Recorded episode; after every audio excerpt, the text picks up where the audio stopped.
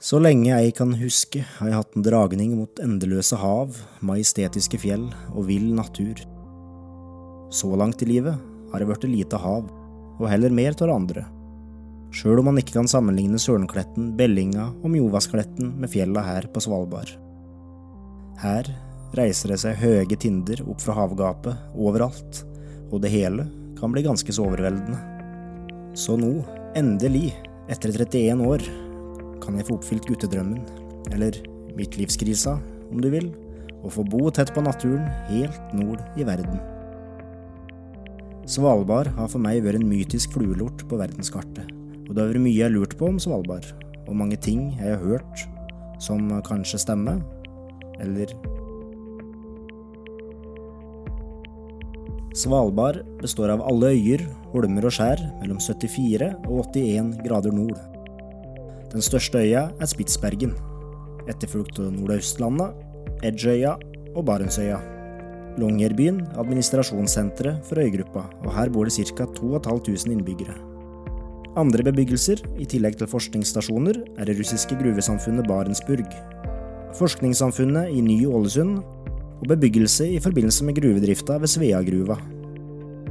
Hele øygruppa administreres av sysselmesteren på Svalbard. Øyene ble først tatt i bruk som hvalfangstbase i det 17. og 18. århundre, men ble etter hvert forlatt. I begynnelsen av det 20. århundre begynte gruvedrifta etter køl, noe som førte til at flere samfunn ble etablert på øygruppa. Svalbardtraktaten av 9.2.1920 anerkjenner norsk suverenitet, og med Svalbardloven av 1925 ble øygruppa en fullstendig del av kongeriket Norge. Grunnlaget for innlemmelsen av Svalbard i Norge var de mangeårige ekspedisjonene til øygruppa ledet av Adolf Hoel. Svalbardloven etablerte også Svalbard som en økonomisk frisone og en demilitarisert sone. I dag er det store norske Spitsbergen kullkompani og det russiske Trøst Arkitygol de eneste gjenværende gruveselskapene som driver kuledrift på Svalbard. Forskning og turisme har blitt viktige tilleggsnæringer i tillegg til universitetssenteret på Svalbard og Svalbard globale frøhvelv. Frøhvelvet er et lager som inneholder frø fra hele verden. Så skulle det bli en global matkrise, så kan Svalbard komme til unnsetning. Ingen veier forbinder bosetningene. Det blir i stedet brukt snøscooter, fly og båter som transportmiddel. Svalbard lufthavn Longyear er den viktigste kommunikasjonsporten til resten av verden. Men hvorfor heter byen Longyearbyen? John Munro Longyear, født 15.4.1850 i Lansing i Michigan, USA, er mest kjent som grunnlegger og navngiver til tettstedet Longyearbyen på Svalbard.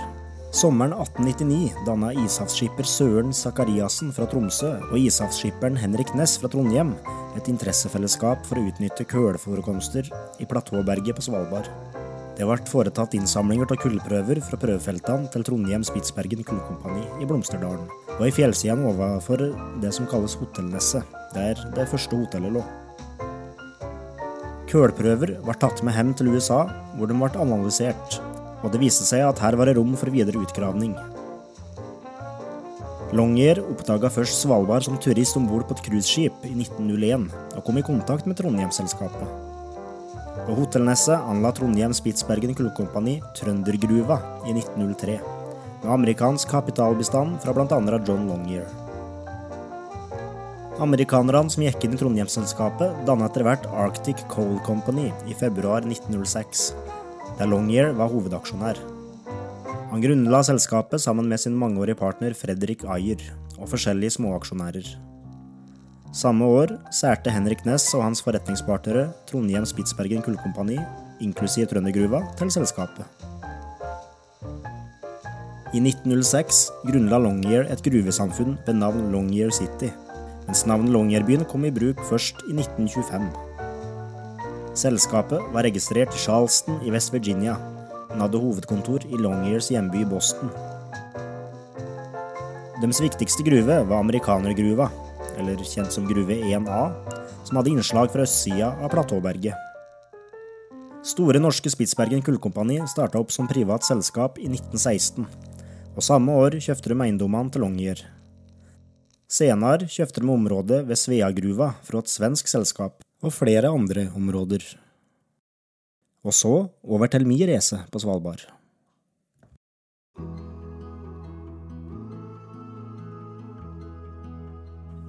Endelig var dagen her. Det har vært noen lange uker og måneder siden jeg fikk vite at Longyearbyen på Svalbard skulle bli mitt neste hjem. Og drømmen om det har eksistert enda lenger. Etter dager med tårevåte avskjeder med både kolleger, unger og elever både i barnehage og skole, gode venner og kjær familie, så hadde tida kommet. Stressfulle dager med pakking, rydding og klargjøring av hjemmet mitt på Alvdal var historie, og huset var klart for utleie. Sjøl om jeg visste om Svalbard-eventyret i lang tid, så har jeg tvilt en del underveis. Tvilt på om dette var riktig, og noe jeg tørsa. Det er ikke bare bare i voksen alder å skulle flytte til en helt ukjent plass der en ikke kjenner noen fra før, og man skal begynne i en ny jobb og bygge nye relasjoner. Her var alt nytt. Nye lukter, nye lyder, nytt type vær og årstider. Det jeg kanskje har grua meg mest til, var 24 timer med lys på sommerstid og 24 timer med bekmørke på vinterstid. Men jeg ser på meg sjøl som ganske tilpasningsdyktig, så alle nevnte faktorer går seg nok til etter hvert. Så nå satt jeg og pappa oss i bilen retning Gardermoen. Av den store flommen og stormen Hans som ramma Innlandet og Østerdalen, regna vi god tid. Riksvei 3 hadde åpna igjen kvelden før, så nå var det bare mye trafikk som kunne sinke oss. Gudbrandsdalen lå i skrivende stund fortsatt under vann. Kjøreturen gikk fint, og det var lite trafikk. Vi ankom Hamar i halv elleve-tida, og på grunn av god tid ble det en tur på CC og påfylt av ullgenser og litt vomfyll. Så bars det til Gardermoen. 22 kilos koffert, langrennsski og truger, tursjekk og PC-veske ble med på resa. Avskjeden på Gardermoen var tøff, særlig for pappa. Men vi småfuglene må òg forlate det trygge redet innimellom og legge ut på eventyr. Vel gjennom sikkerhetskontrollen traff på et annet kjent fjes. Tommy Strype. Han skulle òg på racerfot. Dog mindre permanent og tre timer motsatt vei fra det jeg skulle. Han skulle til Spania. Vi ønska hverandre lykke til og god race, før det ble en matstopp på en av Gardermoens svindyre restauranter. Her kom jeg i prat med to karer fra Kongsberg som skulle til Praha på guttetur. God race til dem òg. Og så plutselig var vi i lufta, gitt. Flyet var fullt av både fastboende og turister. Det var lett å skille dem. De fastboende var ikledd turbukser, vindjakker, Patagonia-capser og vester og ullgensere. Turistene dro i nystrøkne skjorter og dyre blazere. Om bord på flyet ble jeg sittende ved sida av ei mor og en sønn fra Manchester. Gutten var åtte år og gleda seg spesielt til å se isbreer, og kanskje en isbjørn på god avstand. Familien, som totalt var tre i tallet, skulle vært i Longyearbyen ei uke, og var førstegangsreisende. Gutten syntes etter hvert at flyturen ble lang, etter å ha vært på racerfot fra Manchester ifra tidlig morgen. Den biffen løste vi med at jeg og gutten Joshua, som han het, spilte Mario Kart på min medbrakte Nintendo Switch. Og vips, så ble resa kortere for oss begge to. Så kom beskjeden om at vi måtte rette stolryggen, feste setebeltene og legge håndbagasjen under setet. Nedstigninga til Svalbard kunne begynne. Under det tjukke skydekket kunne vi se høye, kvasse fjelltopper i det fjerne. Joshua sperra opp øynene av vill begeistring og det tok ikke lang tid før han fikk se isbreene han så gjerne ville se. Sjøl ble jeg nærmest sakral. Endelig kom stellet jeg hadde drømt om så lenge, endelig til syne. Og både Joshua og jeg ble sittende i måpende stillhet og skue utover det ville landskapet som stadig nærma seg føttene våre. Nede på bakken tok jeg farvel med Joshua, mor hans og far hans. Og så bars de vei til båndet, der forhåpentligvis all bagasjen min også hadde kommet.